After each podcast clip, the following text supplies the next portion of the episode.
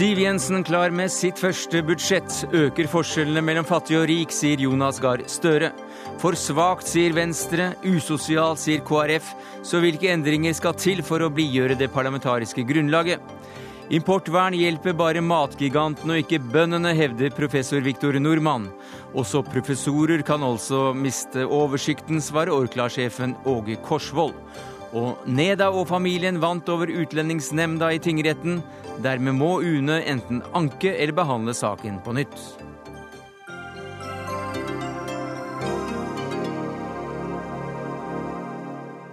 Ja, Det er noen av sakene i Dagsnytt 18 denne fredagen, der vi ikke bare snakker eh, med folk som styrer landet i dag, men også om noen som styrte for 1000 år siden.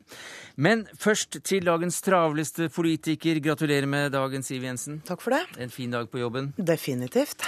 Dette er jo en historisk dag. Frp har finansministeren i regjeringen som i dag også har satt navnet sitt under et omarbeidet forslag til et statsbudsjett. Hvordan har det vært? Det har vært en eh, veldig hektisk periode fra den nye regjeringen tiltrådte og til vi la frem vårt eh, budsjett i dag. Det er klart det har vært en veldig kort tid å gjøre endringer på. Statsbudsjettet er svært og omfattende.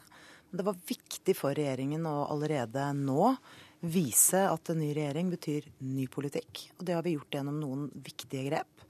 Dette er et budsjett for vekst og verdiskaping. Det er et budsjett hvor vi tar klare prioriteringer satse på helse og omsorg, på samferdsel, på kriminalitetsbekjempelse og på kunnskap. Det er fire viktige satsingsområder for eh, denne regjeringen. I tillegg så er det nødvendig og riktig å gi skattelettelser rett og slett fordi skattenivået i Norge er høyt, og fordi store deler av vårt eh, næringsliv nå sliter med et eh, høyt kostnadsnivå og med en krevende konkurransesituasjon. Men jeg ser jo her at budsjettet er på hele 1100 milliarder kroner. Og dere har rukket å flytte på, på rundt 12, så det er i overkant av 1% Og Allikevel sier du at dette er et veldig godt budsjett, altså bare med 1 endring fra de eh, rød-grønnes?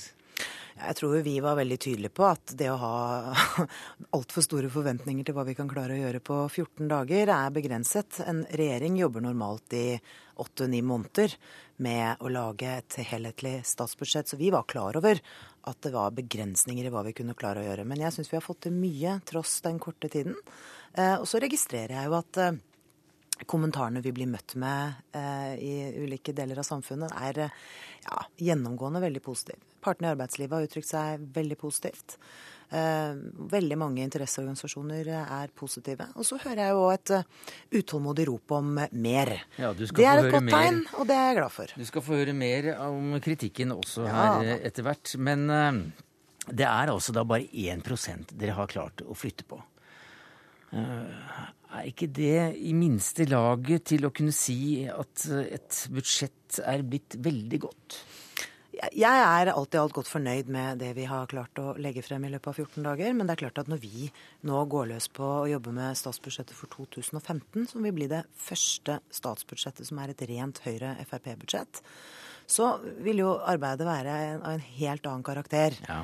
Eh, så jeg tror alle har visst at eh, det kom til å være begrenset omfang denne gangen. Men jeg mener rett og slett at vi har klart å gjøre veldig mye. Og det er jo også det mange sier. At jeg er overrasket over hvor mye vi faktisk har klart å gjøre. Og jeg er stolt av det vi har gjort. Ikke minst er jeg godt fornøyd med at vi har klart å finne plass til 8 eh, milliarder i skattelettelser som vil mm. være bra for konkurransekraften til norsk næringsliv. Og det er altså 40 års partihistorie du har bak deg når du nå signerer så å si et budsjettforslag. Hva tror du grunnleggeren Anders Lange hadde sagt, bortsett fra å riste på hodet av at ministeren har feil kjønn? jeg tror Anders Lange ville vært godt fornøyd med retningen dette budsjettet har. Dette er et budsjett for lavere skatter og avgifter og færre offentlige inngrep, som var det han stiftet Anders Langes parti til sterk nedsettelse av skatter og avgifter og offentlige inngrep på. Eh, jeg har også registrert at eh, Frp-ere rundt om i det ganske land er godt fornøyd med det vi har klart å gjøre på kort tid. Men jeg registrerer også utålmodighet til at vi skal gjøre mer. Og det gleder jeg meg til å gå eh, løs på nå, når vi mm. begynner å jobbe med 2015-budsjettet. Eh, De som hadde skrevet eh, originalen, har du som sikkert har registrert det, ikke vært helt fornøyd med justeringene, Jensen. Jonas Gahr Støre, du er finanspilotpolitisk talsmann for Arbeiderpartiet. Hvordan vil du oppsummere endringene? For det første vil jeg gratulere Siv Jensen. Eh, det er selvfølgelig stort å legge frem et budsjett, og hun har hatt kort tid på å lage det, men hun har hatt mange år på å forberede det. Og det som slo meg da jeg hørte henne i dag, hun holdt en god finanstale. Eh, jeg var uenig i en del, og jeg nikket til en del. Det er jo den utrolige kontrasten det er å høre Siv Jensen som kvalitetssikret politiker fra Finansdepartementet opp mot det vi har hørt alle Frp-ere i 40 år. Eh, senest i Stortinget i vår og gjennom en hel valgkamp. Her er det altså ganske stor avstand fra de rundhåndede løftene det ble gitt om å fjerne bom, eh, bomringer, eh, titalls milliarder i skattekutt, kutte offentlig ansatte, lang, lang liste. Eh, og det de altså sitter igjen med, er at de går til oljefondet, henter mer oljepenger, fire milliarder. De gir skattekutt, og så foreslår de en god del satsinger litt rundt forbi. Ikke alle de satsingene er jeg uenig i, det er ting her jeg kan nikke til. Men i forhold til en regjering som mener at vi bruker sju av ti oljekroner feil, så syns jeg at på tre uker med verdens beste embetsverk så kunne de tatt enda hardere i for å gjøre det de lovet. Jeg beklager ikke at de ikke har gjort det, fordi at jeg var imot de løftene. Mm. Men du kaller det løftebrudd? Ja, løftebrudd ikke overfor meg, men overfor velgerne og overfor den politiske debatten. Eh, og jeg er også kritisk til at eh, en del av de Eh, kuttene de har, som jeg mener tar Norge i feil retning. Men først og fremst så er det en historisk dag hvor det Fremskrittspartiet vi har hørt i 40 år, det på en måte sprakk for sola. Ja, nå er det vel en viss forskjell å høre Støre som opposisjonspolitiker kontra det han sa da han var statsråd for noen få uker siden også, så på seg selv kjenner man andre, kanskje. Jeg syns at den kritikken Arbeiderpartiet kommer med i dag, er litt eh, hul. Mye av det de kritiserer, er jo ting de selv kunne gjort noe med mens de satt i posisjon, og som de lot være å gjøre. Eh, at de er utålmodige på våre vegne, det syns jeg i og for seg er hyggelig. Men at de er uenig i noe av det vi gjør, kan ikke være veldig overraskende for noen. Dette er en ny regjering som vil dreie norsk politikk i en annen retning enn den rød-grønne. Noe av det vi var mest kritisk til under den rød-grønne regjeringen, det var jo at man eh, ikke brukte det økonomiske handlingsrommet til å eh, satse mer på investeringer, mer på vekst og verdiskaping, men man strødde rett og slett pengene litt tynt utover. Jo, men, men, som sagt, jeg mener dette er dagen for å måle dette budsjettet opp mot løftene som blir gitt. Fra i dag og utover så skal vi vurdere budsjettet opp mot budsjettet. Uh, og jeg, jeg synes jo Det at eh, det er jo ikke en sånn uh, lammen, flammende handlingskraft som ligger i det at de altså må hente 4 milliarder til i oljefondet, i tillegg til det som ble bevilget fra vår side, for å få dette til å gå opp. Eh, og Det, det syns jeg er et uttrykk for at eh, programleder sa det. 99% er det som lå i det budsjettet. Eh, slik at det er få endringer. Men de endringene som er, vil jeg understreke Ja, De øker forskjellen i Norge, har ja, du sagt jeg mener jo det at Den tabellen som ligger i denne, denne tilleggsproposisjonen, viser at for folk med vanlige inntekter så er det en sånn 300-400-lapper i året i skattekutt. Tjener du over 2 millioner, så er det 40 000. Det er ikke mye i starten, men det gir en retning på et samfunn med økte forskjeller. Mm. Hva sier du til det? Det er altså sånn at eh, det skatteopplegget regjeringen har lagt opp til, gir brede lettelser til brede grupper neste år. Men for folk flest så blir det bare noen hundrelapper, mens eh, de som tjener to millioner får 40 000 i skattelette. Altså, det er ikke riktig. En gjennomsnittsfamilie med en gjennomsnittsinntekt vil få om lag 3000 kroner i skattelette med dette. Men så er det jo helt riktig at uh, en av konsekvensene av at vi nå også gjør noe med satsen i formuesskatten, gir lettelser først og fremst til de som har formue. Det har jo vi aldri lagt skjul på. Vi gikk til valg, vi på å gjøre noe med formuesskatten fordi den treffer skjevt. Fordi den rammer norsk næringsliv hardt. Fordi den er en trussel mot uh, stabile norske arbeidsplasser i fremtiden. Vi varslet dette gjennom hele valgkampen. Vi varslet det i Sundvolden-plattformen, og nå gjør vi det. Mm. Uh, og vi kommer til å gjøre mer av det. Det er greit at Arbeiderpartiet er for en Eh, konkurransevridende og særnorsk formuesskatt. Men Fremskrittspartiet og Høyre har varslet at vi vil gjøre noe med det, og nå er vi i gang med det. Men det øker forskjellen? Nei, det øker ikke forskjellene. Det trygger norskeide bedrifter i Norge. Men hvis folk med to, to millioner i inntekt får 40 000 i skattefradrag, og, og, vanlige folk får eh, noen hundrelapper, eller hvis de tjener ganske bra, da, som par 2000-3000? Det viktigste er jo at alle får beholde mer av sin egen inntekt gjennom at vi nå gir skattelette. Og jeg har lyst til å si at det rare paradokset altså det, er, det er hyggelig at Jonas Gahr Støre nå høres ut som han er for at vi skal gi mer skattelette til mm. vanlige lønnsmottakere. Det tror jeg ikke han mener. Fordi gjennom hele den rød-grønne regjeringen så har det jo vært skatteskjerpelser. Mm. Og da Stoltenberg-regjeringen overtok for åtte år siden, så skjerpet de skattene like mye mm. som vi letter skattene med i dag. og det er et taktskifte i norsk politikk som jeg er stolt av. Nei, altså eh, Den diskusjonen kan vi godt ta om fortiden. Vi klarte å redusere forskjellene i Norge, og vi holdt skattenivået uendret. Fattigdommen økte, Jonas. Men, jo, men hva, hva, dette budsjettet har å si med fattigdommen, det får vi nå se når tiden går. Men jeg mener jo f.eks. ambisjonen om å nå et kulturløft, den blir brutt med dette budsjettet. Ambisjonen om å bidra med 1% av Norges verdiskapning til verdens fattige, den blir brutt med dette budsjettet. Det er signaler om at vi ikke skal ta imot 1000 flyktninger fra Syria, verdens humanitære katastrofe, kuttet til 500. Det er et signal, nytt signal i dette budsjettet. To barnehageopptak som gjør det mulig for mange foreldre å få barna i barnehage. Det blir kuttet med dette budsjettet. Det er dårlig velferd, men det er også veldig dårlig for produktiviteten i Norge. For det gjør det vanskeligere for småbarnsforeldre å komme i jobb. Mm. Så det er en lang rekke slike ting som jeg mener er feil retning. Eh, eh, og som vi kommer til å påpeke i våre merknader. Men det er ikke vi som skal vedta dette budsjettet, det er Fremskrittspartiet med sine partnere. Jeg tror rett og slett Støre må få litt mer tid til å lese dette budsjettet, fordi kulturbudsjettet vokser neste år. Det blir ikke mindre. Bistandsbudsjettet vokser med over 1 milliard neste år. Det blir ikke kuttet. Men det blir ikke 1% lenger? Det blir Nei, den går ned til 0,99. Men det skyldes bl.a. den forpliktelsen vi har påtatt oss til å ta imot 1000 flyktninger fra Syria. Det gjør denne regjeringen. Men det er riktig. Eh, det medfører at, eh, kutt, altså at vi, vi, begrenser mottaket av ordinære kvoteflyktninger. Og så har vi en motstridende eh, utfordring, nemlig at det sitter mange flyktninger i norske flyktningmottak. Vi har fått oppholdstillatelse som skal bosettes ut i kommunene. Der er det en enorm restanse som vi har arvet fra den regjeringen Jonas Gahr Støre satt i, og som de ikke ryddet opp i. Mm. Og så er det påstanden om barnehager. Vi har altså prioritert i dette budsjettet og i større grad likebehandle de offentlige og private barnehagene, slik at foreldre som har barna sine i private barnehager, ikke skal oppleve at de er dyrere i pris enn de offentlige. Mm. Det mener jeg er et riktig bidrag. Så er det fullt mulig å tenke seg at mange av de tiltakene som Stoltenberg-regjeringen hadde lagt opp til eh, i sitt budsjett, som vi nå har eh, utsatt eller trukket, eh, at vi kommer tilbake til dem. Men vi ønsker å se de samlede virkningene av det. For vi må huske på det at en del av de forslagene ser tilforlatelig mm. fine ut, men har en kostnadsramme gjennom de neste årene på mange milliarder kroner. Det vil vi ha anledning til å vurdere mer grundig før ja. vi kommer tilbake til dem. Ja, altså Får du barn etter 1.9, så har du problemer med å få barna i barnehage. Det er grunnen realiteten. Men det er nå én sak. Jeg mener at som sagt, Profilen i dette budsjettet er at for å få det til å gå opp, så må du bruke mer oljepenger. Og det øker forskjellene mellom folk, men også forskjellene mellom by og land. Byer og distrikter. Her er det kutt i eh, distriktspolitikk. Det er kutt i den eh, forskningsinnsatsen eh, som, og, og, andre støtteordninger som går til landbruk og tradisjonelt fiskerinæring. Altså er, her er det lettelser i forskning til oppdrettsnæringen som går så det suser. Og man trekker den tiltakspakkingen for hvitfisknæringen som vi lanserte fordi den hadde krise. Så det er noen trekk her som det blir spennende å se over tid. I starten så er det da som to båter som går for havn, litt ulik kurs. Så ender de opp en stund mm. et, med stor avstand. Siv Jensen, du har har sikkert lyst til å svare på det, men jeg må nesten stille deg spørsmålet, siden eh, Støre her nevner bruken av oljepenger. Altså, det var ikke mye motstand mot handlingsregelen å spore i eh, din tale på ting i dag?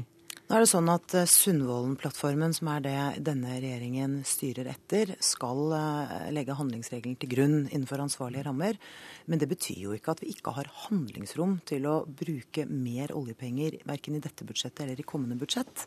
Det har denne regjeringen også til hensikt å gjøre. Men det vi vil gjøre i motsetning til den regjeringen Støre var eh, del av, er å vri pengebruken mer i retning av eh, verdiskaping. Verdi, altså skattelettelser, infrastruktur, forskning og utvikling. Og jeg har lyst til å si at eh, forskningsbudsjettet neste år styrkes med mye, mye mer enn det Stoltenberg-budsjettet la opp til, og det er veldig bra. Mm. Og så til påstanden om distriktspolitikk. Altså, Distriktspolitikk vi mener jeg først og fremst måles i vår evne til å trygge arbeidsplassene rundt omkring i landet. Da handler det om skatt. Da handler det om konkurransedyktige rammebetingelser.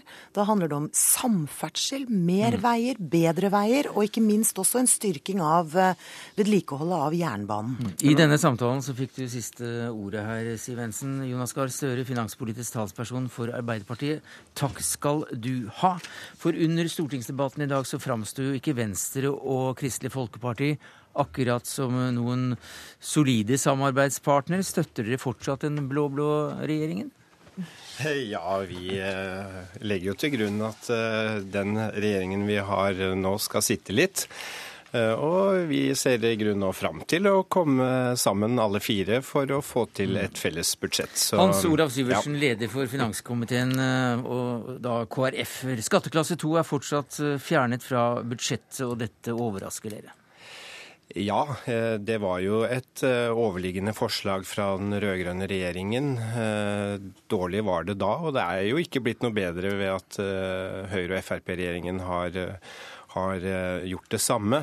Dette rammer jo de familiene hvor, hvor det bare er én inntekt, og det kan bli opptil 12 000-13 000 kroner i mindre inntekt i realiteten som følge av et slikt forslag.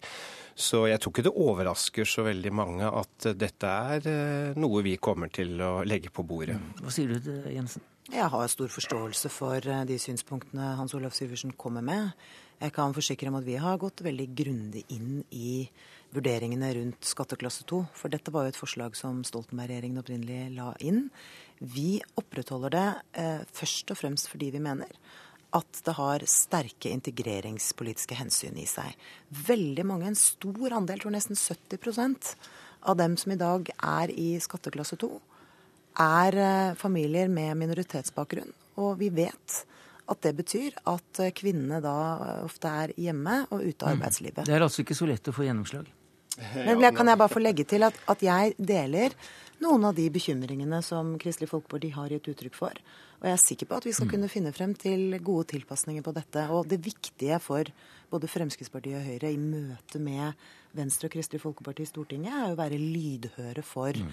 de synspunkter og innspill de har. Vi skal tross alt komme frem til enighet. Det betyr at også de to partiene nå skal vi ha sett sitt klare stempel på budsjettet. Ola Elvestuen, nestleder i Venstre. Hva blir det viktigste for dere å få forandret i dette budsjettet? Nei, Nå la jo vi fram vårt eget alternative budsjett i går. Jeg det, det, var, helt, det er offensivt og bedre, og der det definitivt er langt bedre, er på miljøsiden. Dette budsjettet som er lagt frem i dag, er et dårlig miljø, miljøbudsjett. Generelt? Ja, det er det på alle områder. Det er ingenting her som tar tak i Eh, en mer offensiv klimapolitikk. Eh, det er ikke godt nok på samferdsel. Det er en liten økning på jernbane, men det står ikke i forhold til de oppgavene og det etterslep på jernbanesektoren som vi ser. Og det er jevnt over kutt innenfor det som er det klassiske naturvernet. Så den delen er definitivt eh, for dårlig. Jensen. Nei, så Vi er for å nå de ambisiøse klimamålene som vi har blitt enige med KrF og Venstre om i samarbeidsavtalen. Det jeg tror er viktig at vi gjør, er at vi tar en fot i bakken og vurderer alle de virkemidlene som vi har arvet fra Stoltenberg-regjeringen. Der vil jeg nok tro at mange av de med fordel kan gås gjennom, og at vi kan finne en annen innretning på dette sammen med KrF og Venstre, slik at vi eh, har en mer realistisk mulighet til å nå målene mm. som er satt? Nei, Vi skal definitivt ikke ta, ta, en fot i bakken. Tvert imot. og da I motsetning til den rød-grønne regjeringen så trenger vi nå å begynne å handle. Og vi vet nok i forhold til hva vi trenger å gjøre. Vi vet hva som behovene er innenfor kollektivtransporten. Det gjelder både i byene, det gjelder overfor jernbanen. Det gjelder å komme i gang med et grønt skatteskifte, så vi får en mer offensiv klimapolitikk. Dette har vi nok kunnskap om, og det er nettopp nå at vi trenger å begynne å gjennomføre tiltak, og ikke bare å sitte og vurdere og sette en fot i bakken. Det bildet, bildet strøm er vel kanskje ikke akkurat eh, et frieri til de som har lyst på en grønn skattepolitikk? Nei, la, la, meg først svare på det. for Når jeg sier fot i bakken, så handler det om at vi gjerne vil diskutere eh, offensive tiltak nettopp med eh, Kristelig Folkeparti og Venstre gjennom forhandlingene i Stortinget. Så det ønsker jeg hjertelig velkommen. Jeg mm. håper at vi sammen kan nå målene vi har satt oss, og da må vi se på virkemidlene. Siversen? Ja, Fordelen akkurat på, på, klimadelen er jo at vi alle fire er enige om at vi skal ha klimaforliket i bånn, og ikke bare det, vi skal forsterke det. Så da får vi en felles runde for å se hvordan vi kan gjøre det. Så er jeg jo opptatt av noen andre ting òg. Vi har eh, en del som er sterkt pleie- og omsorgstrengende, som er under 67 år i dette landet. Eh, der eh, fikk eh, de et kutt fra de rød-grønne på over 200 millioner kroner. Det syns vi var usosialt da, og det ligger også videre. Så her vil KrFs sosiale profil komme til syne, og det kommer vi til å ta opp når vi nå går til forhandlinger. Det er det ingen tvil om. Ja, Det vil de ikke få motstand på. Også Fremskrittspartiet og Høyre er opptatt av å ha en god sosial profil. Da setter vi en, Og, to, eh, to vi- streker under det Nei, men jeg, jeg har lyst til å si at jeg, jeg tror at vi kommer til å ha veldig gode og konstruktive forhandlinger mellom de fire partiene, og at eh, alle de gode tiltakene som ligger fra Høyre og Fremskrittspartiet sin side, blir videreført. Og at eh, nye og ytterligere Mm. gode tiltak vil bli gjennomført. En del kommentatorer har i løpet av dagen eh, sett på Venstres reaksjoner som, eh, som en god del skarpere enn Kristelig Folkepartis. Altså det skal mer til å forandre en hel miljøprofil på det budsjettet du har lagt fram, enn å ta enkeltsaker som for så vidt Syversen står inne for her i dag. Hva sier du til det? Jeg har ingen problemer med at både Venstre og Kristelig Folkeparti er tydelige på de sakene de er opptatt av. Det skulle bare mangle. Men Syns De du det er kan en, bli vanskeligere å forholde seg til Venstres krav her? Nei, jeg har stor respekt for at Venstre er tydelige. Og samtidig er det jo sånn at både Kristelig Folkeparti og Venstre har eh, gjennom samarbeidsavtalen med Høyre og Fremskrittspartiet signalisert en klar vilje til at landet skal ha en ny styringsdyktig regjering. Men samtidig så er de i konstruktiv opposisjon. Det er eh, noe annet enn å sitte i regjering. Eh, Det har jeg stor respekt for, men det betyr at vi må sette oss ned og ha gode forhandlinger. Vi vet utmerket godt at vi er en mindretallsregjering som må forhandle med disse partiene i Stortinget. Husk på det vet du, at Siv Jensen har jo vært i vår posisjon. Ja, det jeg. så, så hun skjønner eh, hvordan landet ligger. Og Og Det hender folk glemmer ganske raskt når de Jeg kommer ut av husker jeg må si at eh, det, Den rosen vil jeg gjerne gi til finansministeren. At måten hun har tilnærmet seg eh, Stortinget på, ikke bare Kristelig Folkeparti og Venstre, men også i finanstalen i dag overfor hele Stortinget, det må jeg si, det, det setter jeg stor pris på. For det viser at man er ikke tonedøv for andre forslag. Man er villig til å lytte, og det tar vi med oss eh, inn i forhandlingene. Det virker som disse forhandlingene kommer til å gå veldig greit. Elvestuen. Du, nå, nå har vi fått dette budsjettforslaget i, i dag, og det som er helt klart, at det er ikke dette budsjettforslaget som kommer til å bli vedtatt. Vi har, vi har ønsker om å få til eh, endringer, særlig på miljøområdet. Vi må også gå inn i, og se på hele skatteinnretning. Dersom er det sider ved det så vi nok vil ha en annen innretning enn det Høyre og Fremskrittspartiet har foreslått. Her som ligger det kutt i kultur, som vi må se nærmere på, og også på andre forhold. Nå skal vi bruke helga på det. Så skal vi jobbe fram eh, og bearbeide også vårt eget alternative forslag til budsjett. Og så møtes eh, de fire partiene mandag morgen klokka ni. Og hvor vanskelig det blir, det er jo også selvfølgelig opp til Det er i hvert fall da en ny skål med bamsemums, eller hva man pleier å smøre, smøre hverandre med på blå side. Eh, hvor er det, når er det budsjettet Norge får et nytt statsbudsjett? Jeg håper at eh, de fire partiene i Stortinget har gode og, og kreative forhandlinger eh, for å komme i havn. Jeg tror Hans Olav Syversen er den rette til å svare på det, for det er han som skal lede arbeidet med det. Jeg som finansminister har nå lagt frem endringene til statsbudsjett fra regjeringens side. Men jeg har bare lyst til å si at jeg har stor respekt for at Venstre og Kristelig Folkeparti trenger å bruke mer tid på å gå gjennom detaljene i dette. Og så eh, hører jeg programlederen si at dette kommer til å gå lekende lett. Vel, det tror jeg ikke. Det skal være krevende å forhandle, fordi både Venstre og Kristelig Folkeparti skal sette sitt stempel på dette. Men viljen til å få det til er til stede hos alle partiene, og da klarer vi å få det til. Også før eh, årsskiftet, i hvert fall. Ja, budsjett, Det er klare regler for når budsjettet skal i havn. vi har jo et reglement, og det sier jo at eh, 20.11. så skal finansinnstillingen være klar. Og det er ikke lenge til, men eh, takk skal dere ha. eh, Siv Jensen og eh, Ola Elvestuen og Hans Olav Syversen. For eh, finansministeren hun har sittet og sett på klokka. Hun har eh, andre ting å ta seg til enn å snakke med oss. Men eh, heldigvis så har vi to andre som har akkurat kommet for å gjøre nettopp det. Snakke om hva man skal få ut av dette i dag. For så langt vi har hørt av de som avgjør dette, så er det jo en viss mulighet for at disse fire partiene faktisk skal bli enige, Magnus Takvam, politisk kommentator i NRK. Det er nok dømt til å bli enige. Så noen endringer blir det selvfølgelig, men eh, budsjettet er også designet slik fra Høyre og Frp at det ikke blir de store krigene. F.eks. bare for å ta et mye omtalt budsjett på forhånd, bistandsbudsjettet, er det nesten marginale, små endringer på bare, som mange trodde kanskje skulle bli den store fighten f.eks. mellom Kristelig Folkeparti og Høyre og Frp. Men på noen punkter som sagt så blir det dragkamp. Ja, Hvilke punkter er viktigst? Det er eh, det som har gått igjen i løpet av dagen, er dette ene punktet om studiestøtte i elleve måneder f.eks. Utdanningsstøtte, som studentene har rast for at Høyre og Frp ikke følger opp de rød-grønne på. Og så er det bl.a. skatteklasse 2, som Syversen var opptatt av, familiepolitikken, som, som, KrF er opptatt av. Dette med ressurskrevende pasienter i eldreomsorgen som får en noe mindre statlig støtte. Jeg tror også denne reduksjonen i antall overføringsflyktninger, altså kvoteflyktninger, reduksjonen med 500, vil bli justert opp igjen. Det er noen eksempler.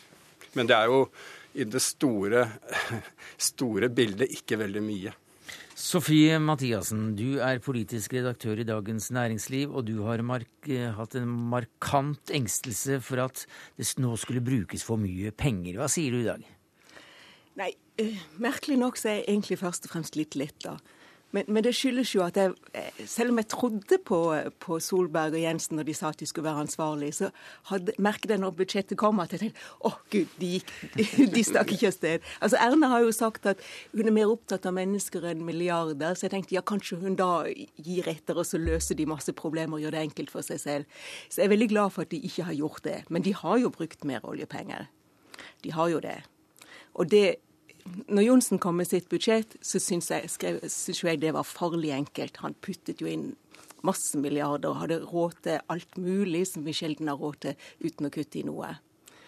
Og eh, de holder seg på samme forskjell for handlingsregelen. Altså De ligger på 2,9 av oljefondet når de bruker oljepenger. Kunne brukt fire. Det kunne de, men Jens, Jensen legger seg på samme akkurat samme tall som Johnsen, men siden oljefondet har økt med 100 milliarder bare siden Johnsen gikk av, så eh, fikk hun 4 milliarder ekstra. I hvert fall så er uh, uavhengig av alle vurderinger av om det er uh, ansvarlig eller ikke, så har denne regjeringen fått gratis 4-4,5 milliard å bruke. Og jeg skulle gjerne se den regjeringen som i en tilsvarende situasjon ikke hadde brukt de pengene, når det tross alt kan defineres inn i en ansvarlig ramme. Men eh, resultatet av dette er at de har hatt tross alt råd til f.eks. Å, å fjerne hele arveavgiften og, og, en del skatteletter uten å måtte kutte eh, blodig i budsjettet. Så de har hatt litt flaks, tross alt. da. De, de, har hatt litt flaks da når de tok de fire milliardene, men jeg syns jo ikke de skulle gjort det. For jeg syns jo i utgangspunktet at eh, Johnsens budsjett overhodet ikke stemte med sånn som han beskrev de store økonomiske utfordringene landet står overfor. Når jeg leste de, så hørtes det ut som at de skulle kutte vilt for å, for å virkelig gjøre oss i stand til å ta var, møte eldrebølgen og bedre konkurranse for industrien. Men Jensen har lagt seg på Johnsens linje, ja. Og så har det blitt definert som ansvarlighet. Mm. Men eh, de burde vært strammere. Men det er altså bare 1% av pengene som for så vidt er, er, flyttet på, eller 12 milliarder i forhold til 1100 eh, milliarder. Eh, og hva er da egentlig forskjellen? ja, men det er jo ikke så store forskjeller. Og men, men en, en, ting som er, er, veldig positivt, er jo at denne regjeringen har gjort noe som ikke har vært spesielt vanlig i, i Norge. Og når, uh, Jensen har kuttet. Hun hadde så lyst til å øke noen poster at hun faktisk kuttet i noen andre. Normalt så er det sånn at hvert år så kommer det inn 18 milliarder ekstra i økte skattelettelser. 5-10 milliarder fra oljefondet. Nå er de oppe i 15 milliarder fra oljefondet i år. Og så bruker de de. Men denne regjeringen, Jensen, har kuttet i mange poster for å øke litt på noen av de som betød mest. Og det er noe nytt, og det er veldig interessant. For hvis det blir sånn fremover at man faktisk er villig til å kutte på noe, så kan jo faktisk få endringer på sikt. Mm. Men hvilke deler av budsjettet ser du da det klareste fotavtrykket etter en, at, at det er en blå-blå regjering som står bak budsjettet, tross alt? Selv om vi altså bare snakker om 1% så er det, er det nok det med skatteprofilen som er eh, tross alt den største forskjellen mellom en rød-grønn regjering og en Høyre-Frp-regjering. Det er når de får full effekt ca. 8 milliarder i skattelette. Ja, Det blir det ikke i år. Nei, men det blir 5 milliarder på, nest, altså på i, si, bokført i budsjettet neste år. Men når de eh, får helårsvirkning, så blir det 8 milliarder som effekt av dette. Og det er relativt mye. Hvis man, eh, som f.eks. SS Statistisk sentralbyrå, har spådd at denne regjeringen kommer til å kutte skattene med 15 milliarder, rett eller ikke, men da er det halvparten allerede i det første budsjettet. Så det er et tydelig avtrykk eh, for så vidt. Det er da snakk om hva, hva grasrota i Frp vil si til dette. En utålmodig eh, gruppe, kanskje. Og hva slags pedagogisk oppgave er det nå regjeringen står overfor? jeg, jeg, tror eh, at de har jo en utfordring, men det har de visst hele tiden. Og de får lagt inn enveistrekning uten bompenger. De får økt mer til vei. Ja, men det kommer en veistrekning uten bompenger. Jeg husker ikke helt hva den heter. Men, eh, så, så, de får jo litt, og, og, det går jo i riktig retning. Men, men, det som også er så fascinerende å se, det er på disse regjeringene, på de endringene de gjør, både på skatter og på, ikke minst på offentlige utgifter. Den forrige regjeringen den prioriterte mer til veier, mer til helse og mer til forskning og utvikling. Det denne regjeringen har gjort, det prioriterer mer til veier, mer til helse, mer til offentlige utgifter. Ja. Eller til forskning. Og når du ser på skatteletten, er jo også det samme. Altså, Jon, eh, Johnsen kuttet i arveavgiften og formuesskatten. Nå sitter Støre og er irritert fordi de har kuttet enda mer. Men det er jo de samme skattene. Same, same, but different. Ja, store forskjellen er som sagt den virkelig store forskjellen. Det er størrelsen på skattelettelsene, og det er at denne regjeringen også kutter. Takk skal du ha, Sofie Mathiassen, politisk redaktør i Dagens Næringsliv. Takk til deg, Magnus Takvam, politisk kommentator her i NRK.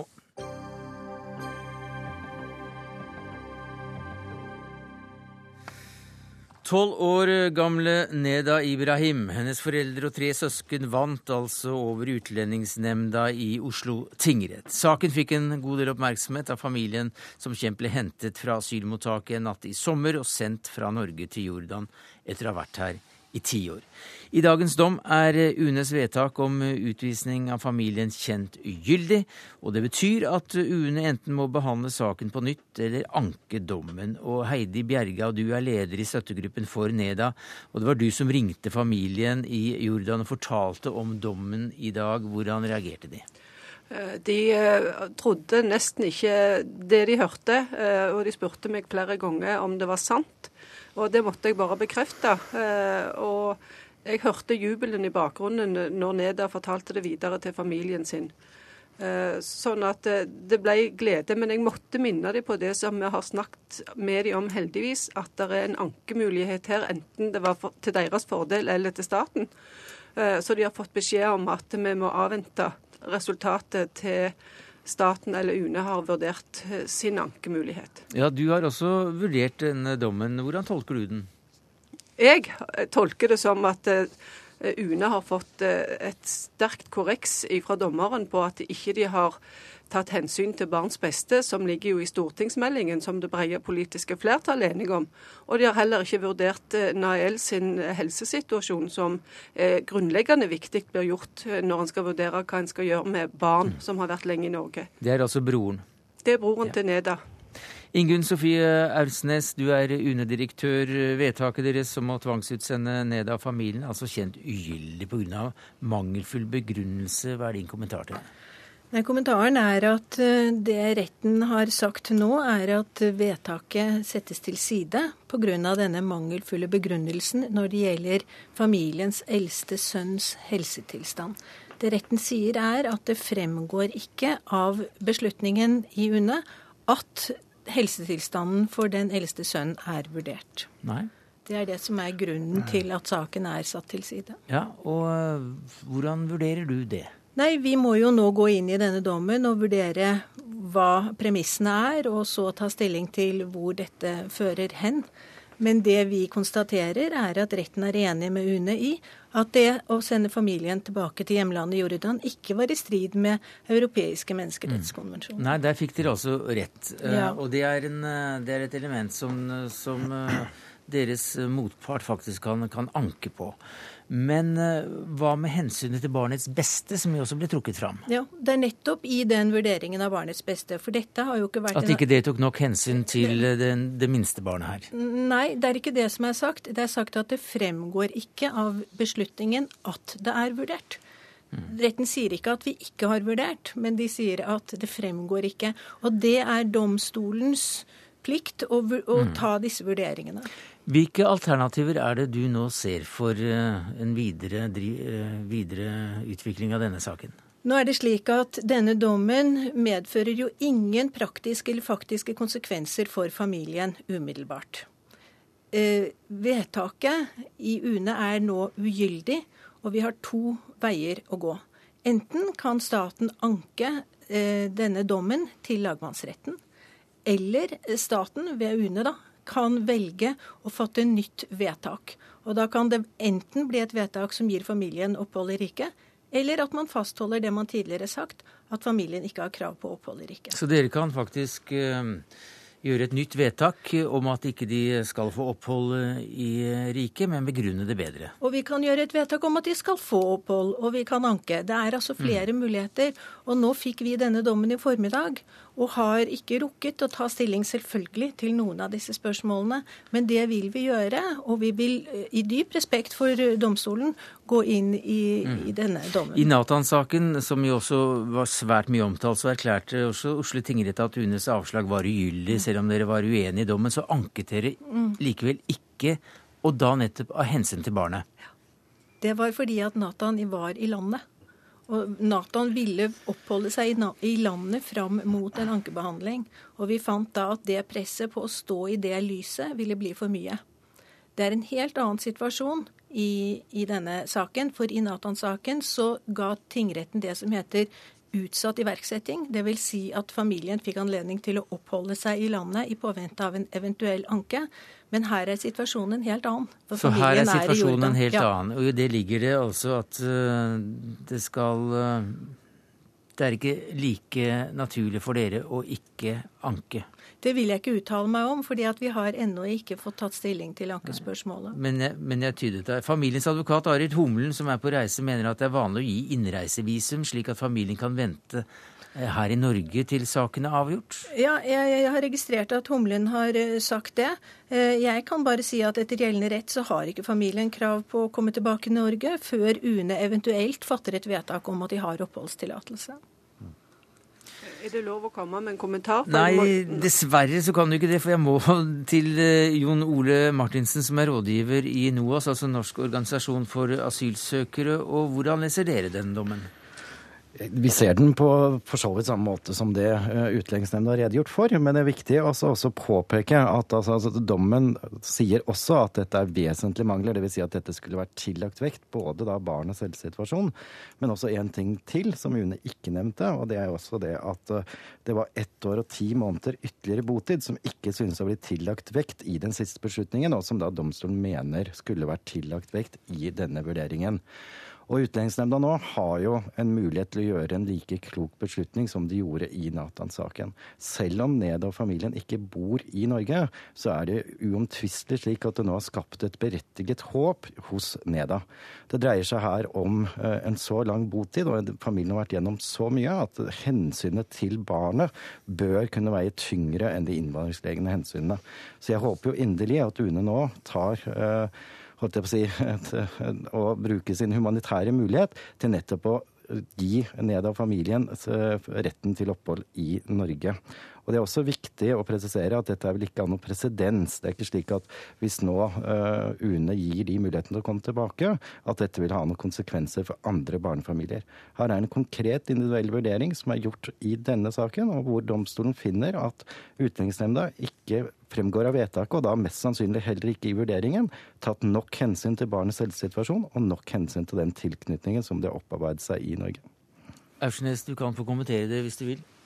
Ja, jeg har egentlig ikke så mange kommentarer, fordi vi trenger som sagt tid nå til å se på denne dommen grundig og ta stilling til hvordan vi skal håndtere dette videre. Helt til slutt, Heidi Bjerga, som leder av støttegruppen for NEDA. Hvordan har familien det nå og, og framover, mens de da venter på en avgjørelse?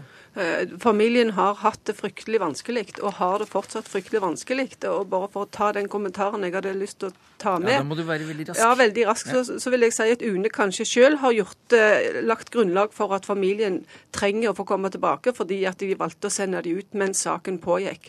Så, så jeg håper virkelig at eh, familien nå får komme hjem og får starte framtida si. Mm. Takk skal du ha, Heidi Bjerga, leder i støttegruppen for NEDA. Takk til deg, Jon Ole Martinsen, rådgiver i NOAS, og til deg, Ingunn Sofie Ersnes, UNE-direktør.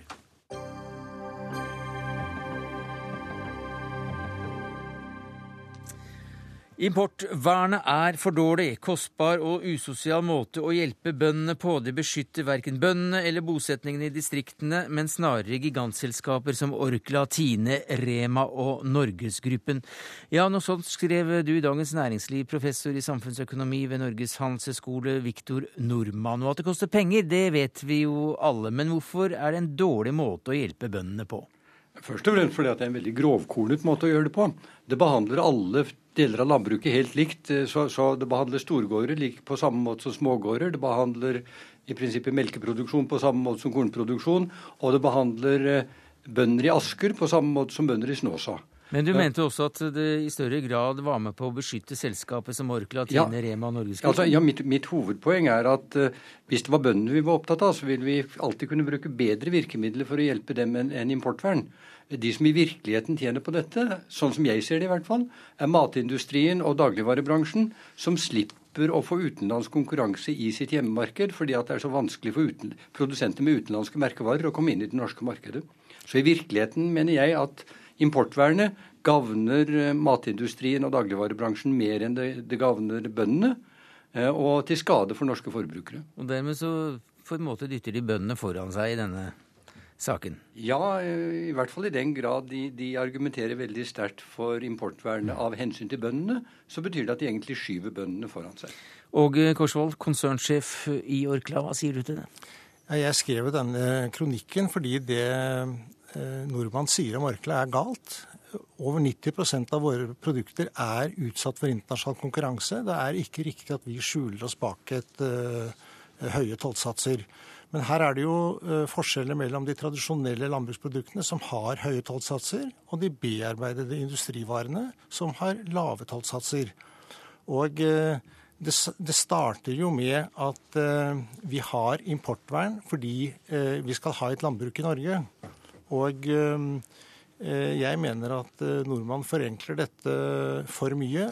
Importvern, det er jo tollsatser. Ja, Du mener ikke bare at han forenkler det for mye, du skriver også at dette viser at også professorer kan miste oversikten? Absolutt, eh, fordi jeg mener at eh, han eh, tar feil. Det er jo slik at vi da er utsatt for internasjonal konkurranse. Vi er ikke for å øke ostetollen. Tvert imot, det øker jo risikoen for at EU svarer tilbake med å redusere tollsatsen på de mm bearbeidede industrivarene. Da får vi en ensidig reduksjon av tollsatser, og det er ingen tjent med. Har du mistet oversikten, professor? Jeg håper, jeg håper da ikke det. Eh, men, men, eh, hele poenget her er at eh, hvis, hvis Åge Korsvold hadde rett i at importvernet ikke beskytter matindustrien, ja, så hadde han vel ikke sittet her i dag. Eh, for Riktignok så, så tror jeg nok at Åge Korsvold gjerne vil norske bønder vel, men han vil først og fremst Orkla vel. Og når Orkla har engasjert seg så sterkt i denne saken, så må det jo være fordi at de ser at hvis vi fikk et alternativt regime med åpne grenser for mat, og med direkte støtte til bøndene, så ville Orkla bli skadelidende. Eh, det er ikke riktig. Eh, vi er som et stort nordisk basert matvarekonsern. Så kan vi tilpasse oss på mange måter. Altså, Vi kan importere råvarer og bearbeide det i Norge hvis vi kan gjøre det på like vilkår som våre internasjonale konkurrenter. Eller vi kan tilpasse oss for å flytte produksjonen produksjon ut. Altså, Vi kan tilpasse oss. Eh, så det Viktor Nordmann sier her, det er galt. Men det betyr at uh, egentlig vil du være helt enig med meg hvis jeg, sa, hvis jeg kunne overbevist deg om at norske bønder kom like godt ut av det ved produksjonsstøtte og arealstøtte og utviklingsstøtte som de gjør ved importbeskyttelse? Hvor du sier at Orkla ville, ville komme like godt ut av det uansett? Det vi kan være enige om, det er at vi er også enig i at en endring av landbrukspolitikken som skaper et bærekraftig og fremtidsrettet landbruk, det er vi for. Ja, men du hørte utfordringen her. også ville dere stemt for at man innførte andre ordninger som, som ville sikret bøndenes eh, ve og vel? Vi er i hvert fall for å gjøre endringer i landbrukspolitikken. Det er vi ikke imot. Jeg, men jeg tror at det som jeg tror blir veldig teoretisk, det er å tenke seg at vi ikke skal ha importvern. Eh, for det er jo ikke slik at eh, altså, altså alle land som har landbrukspolitikk, har vel importvern i praksis. Eh, og det er jo ikke slik at eh, f.eks. om vi bestemte oss for at norske bønder skulle selge alle sine produkter i, innenfor EU f.eks., at vi ensidig kan vedta det. Eh, det forutsetter jo mm. avtaler med EU. Slik at det blir, det blir, litt for teoretisk. Vi, vi, lever i en verden hvor også alle andre har importvern og tollsatser. Og Derfor så mm. sier jo jeg at hvis vi skal endre landbrukspolitikken, så må vi gjøre det faktabasert. Vi må utrede, og vi må skjønne at, disse, at det er sammenhenger. Dette blir for teoretisk, eh, professor? Nei, det gjør det jo overhodet ikke. Ja, altså, vi, vi hadde, hele norsk industri hadde beskyttelse for 30 år siden. Eh, det var ingen som sa at det var teoretisk å, å åpne, for, åpne norske markeder for 30 år siden. Og, og gevinsten har vært åpenbare for alle. Og jeg tror også når det gjelder landbrukspolitikken, så er det så åpenbart for de fleste etter hvert at det importvernet vi har i dag, i virkeligheten ikke er nok til å opprettholde norsk landbruk. Eh, norsk landbruk er i krise. Vi har snart ikke en heltidsbonde igjen. Og vi, hvis vi virkelig ønsker å ha levende bygder, ønsker å ha en landbruksnæring som, som er i stand til å, å, å, produsere, så må bøndene få rammevilkår som får de til å, ut, til å utvikle seg som de gode småbedriftene de egentlig er. Mens importvern er en uh, dårlig metode, har vi forstått at uh, du synes, men I hvert, I hvert, fall mente norsk industri at det var en dårlig metode den gangen vi hadde beskyttelse av norsk industri. Ja. Uh, og at de som tjener mest på dette, det er disse store konsernene som Nei, det, det, det sier er at, og, og jeg, jeg, har veldig stor respekt for Orkla, men jeg sier at når Orkla sier at man ville flytte ut produksjonen hvis importvernet for landbruk forsvant, så betyr, må jo det bety at Orkla mener at importvernet betyr noe for i hvert fall Orklas virksomhet i Norge. Eh, og det må i så fall bety at hvis at noe av det som her skulle komme bøndene til gode, faktisk kommer norsk industri til gode i stedet. Og da syns jeg det blir en dårlig form for landbrukspolitikk. Men, men det nordmannen for det første ikke løser, det er spørsmålet hvis øh, øh, han legger om slik som han foreslår, hvem skal kjøpe norske bønders produkter? Uh, det er nok dessverre slik at det er en innenlandsindustri som må, må, må, bearbeide de produktene. Hvor, hvorfor er det, det er det første. Og det andre er at ja, ja. Hva sier nordmann til det? Ja, altså, hvor, hvorfor det? Altså, hvis vi gir bøndene støtte som gjør at deres produksjon blir konkurransedyktig. Og det må vi jo gjøre hvis vi skal opprettholde produksjonen med, med, med åpne grenser. Så, så, er jo norske landbruksvarer i utgangspunktet like gode kvalitetsmessig som andre landbruksvarer. De vil kunne klare å konkurrere like godt. Tvert på mange områder vil de kunne konkurrere bedre. Så det at man binder opp norsk landbruk til norsk matvareindustri, er i utgangspunktet en mistillitserklæring til den evnen til innovasjon og utvikling som finnes i norsk landbruk. Jeg forstår det slik at uh, hvis vi da skal eksportere disse matvarene, så trenger vi markedsadgang. Og som Viktor Nordmann vet, uh, det forutsetter antageligvis ganske lange og kompliserte forhandlinger. Og så er det ikke slik at det eneste alternativet for oss er å flytte ut. Det andre alternativet... Men du har jo truet med det? Nei, jeg har ikke truet med det. Det, er... det. det, jeg skriver, er at det, det som er en rasjonell tilpasning for oss, det er enten å importere Eh, hvis vi kan kjøpe på samme vilkår som, eh, som de utenlandske konkurrentene. Eller vi, må, eller vi må, flytte ut. Altså det er, ja, det er to, altså I, i kronikken i, i, svaret ditt til Nordmann i Dagens Næringsliv så ja. skriver du at en utflagging av, produk, av, produksjonen fra Norge er noe vi ikke ønsker, men dette kan bli en realitet. Men, men, jeg sier også i det samme, les resten, jeg sier også at vi kan importere, hvis vi kan importere råvarene og ha samme råvarekost som våre internasjonale konkurrenter, så kan vi produsere i Norge. Det betyr også at hvis uh, dette importvernet forsvant, så ville dere vært forholdsvis happy? Men da tror jeg ikke vi har noe landbruk igjen.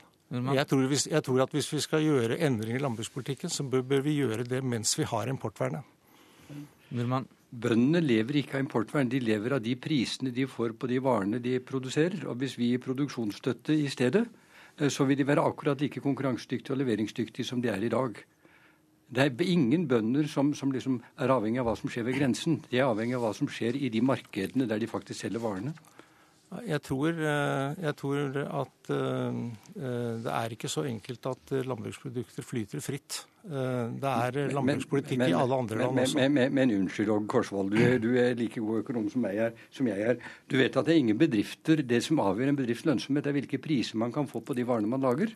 I forhold til kostnadene ved produksjonen. Hvis vi sørger for at pris-kostnadsmarginene i landbruket er gode nok til at det blir lønnsomt å produsere, ja, så vil norske bønder klare seg. Og mitt anleggende det er jo at Orkla kan konkurrere. Vi kan tilpasse oss. Eh, og eh, det vi selvfølgelig er opptatt av hvis vi skal gjøre endringer i landbrukspolitikken, det er jo at vi kan konkurrere på like vilkår. Men du sier jo da at dere kan tilpasse dere, men en av metodene til, i tilpasningen det er også da eventuelt å flytte ut hvis tingene forandrer seg? Ja, eller å produsere i Norge. Hvis, altså vi, kan, vi, kan, jo heller ikke i dag med, i, med vår innenlandske produksjons... Uh, altså fabrikken i Norge, vi kan jo ikke kjøpe disse råvarene utenfor Norge. Vi må jo kjøpe det i Norge. Men til gjengjeld får dere jo da kompensert merkostnaden? Nettopp, og derfor så har vi internasjonal konkurranse. Og uh, dette er jo da et, uh, et, et, system som er satt opp for å sikre at vi har norsk landbruksproduksjon. Det er, jo, det er jo derfor dette systemet eksisterer. Men men dette er jo egentlig en avsporing i forhold til spørsmål om utflagging. Eh, for i siste instans, så lenge dere har samme råvarekostnad som, som man har ute, så er det jo lønnskostnadene som er trusselen for produksjonen i Norge, ikke importvernet. Lønnskostnader og andre kostnader. Så egentlig er dere i samme stilling som resten av norsk industri. Altså I den grad vi her er opptatt av arbeidsplasser og produksjon i norsk industri, så er det en avsporing å snakke om særtiltak overfor matindustrien. Da er det spørsmål om hva vi gjør for å få kostnadsnivået i Norge generelt under kontroll. Men og, uh, å være med på den avsporingen, det har du også vært her, eh, Viktor Nordmann, og takk for det. Du er professor i samfunnsøkonomi ved Norges handelshøyskole, og Horsvald, konsernsjef i Orkla. Og så to økonomer som er akkurat like gode, ifølge professoren.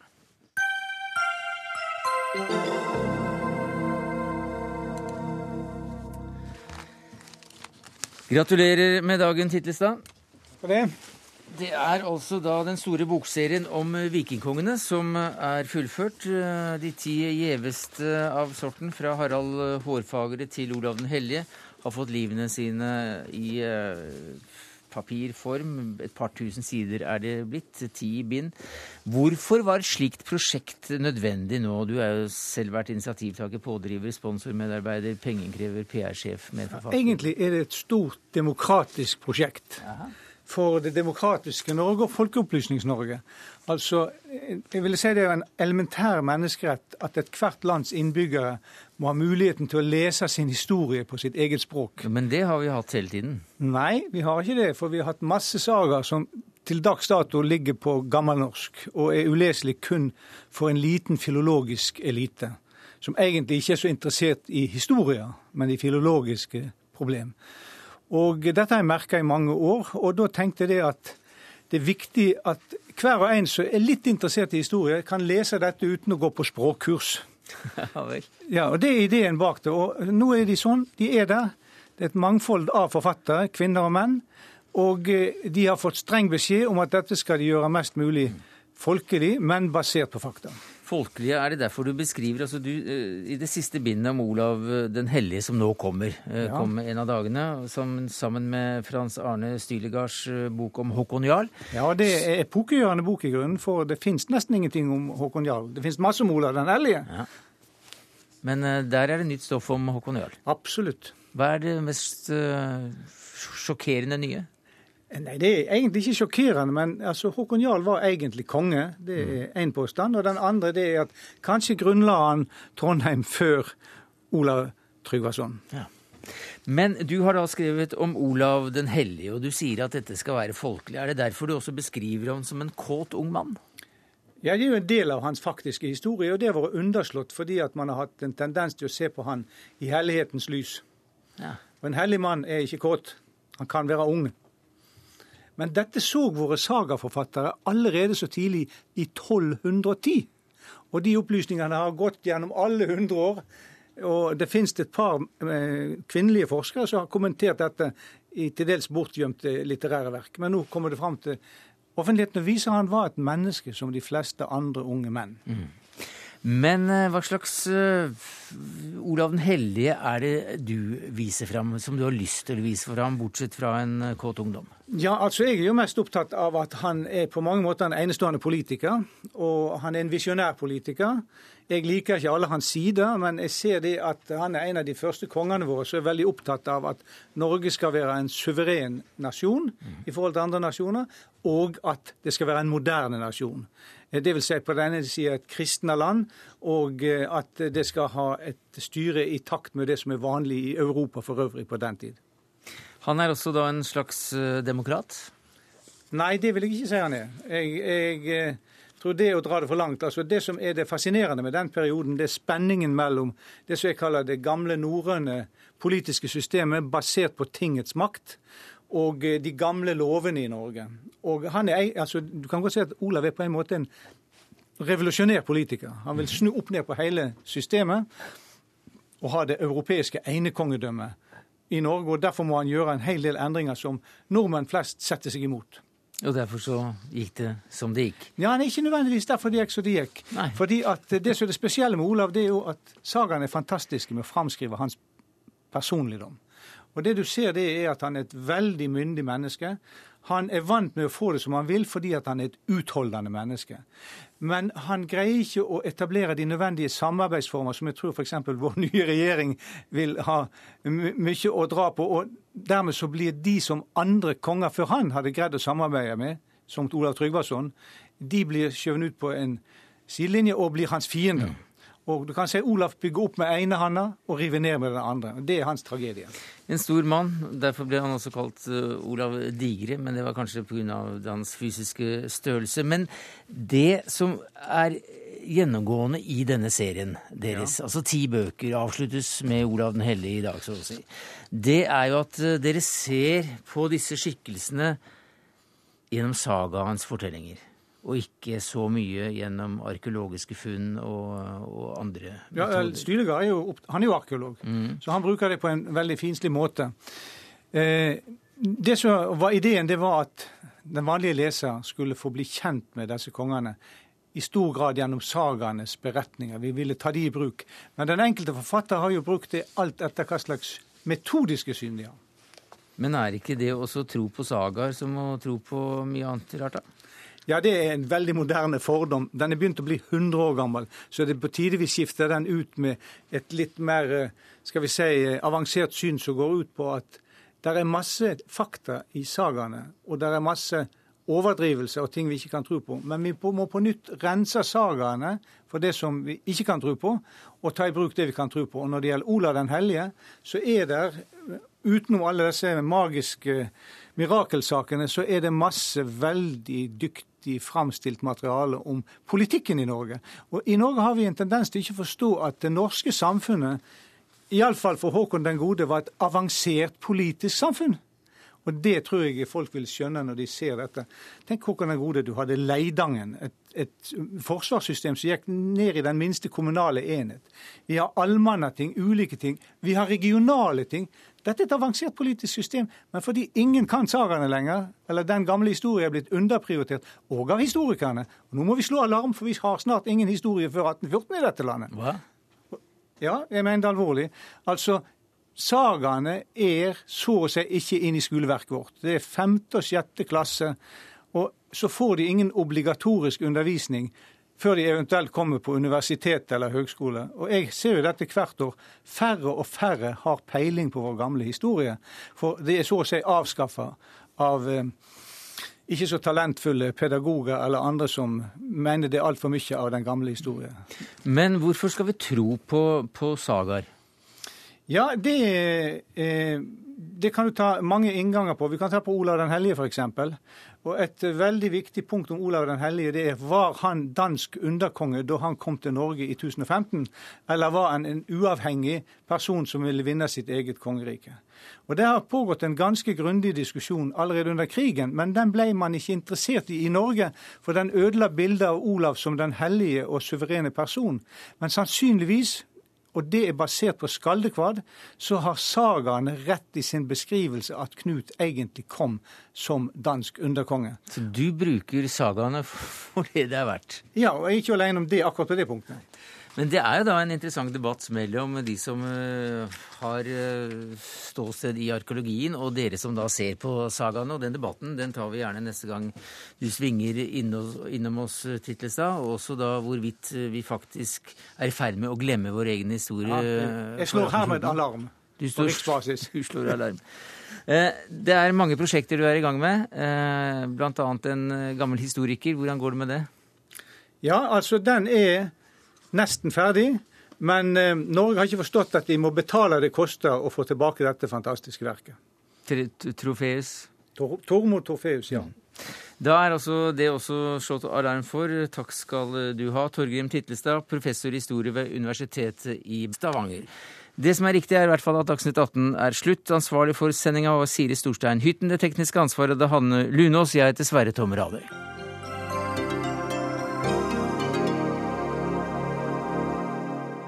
Hør flere podkaster på nrk.no podkast.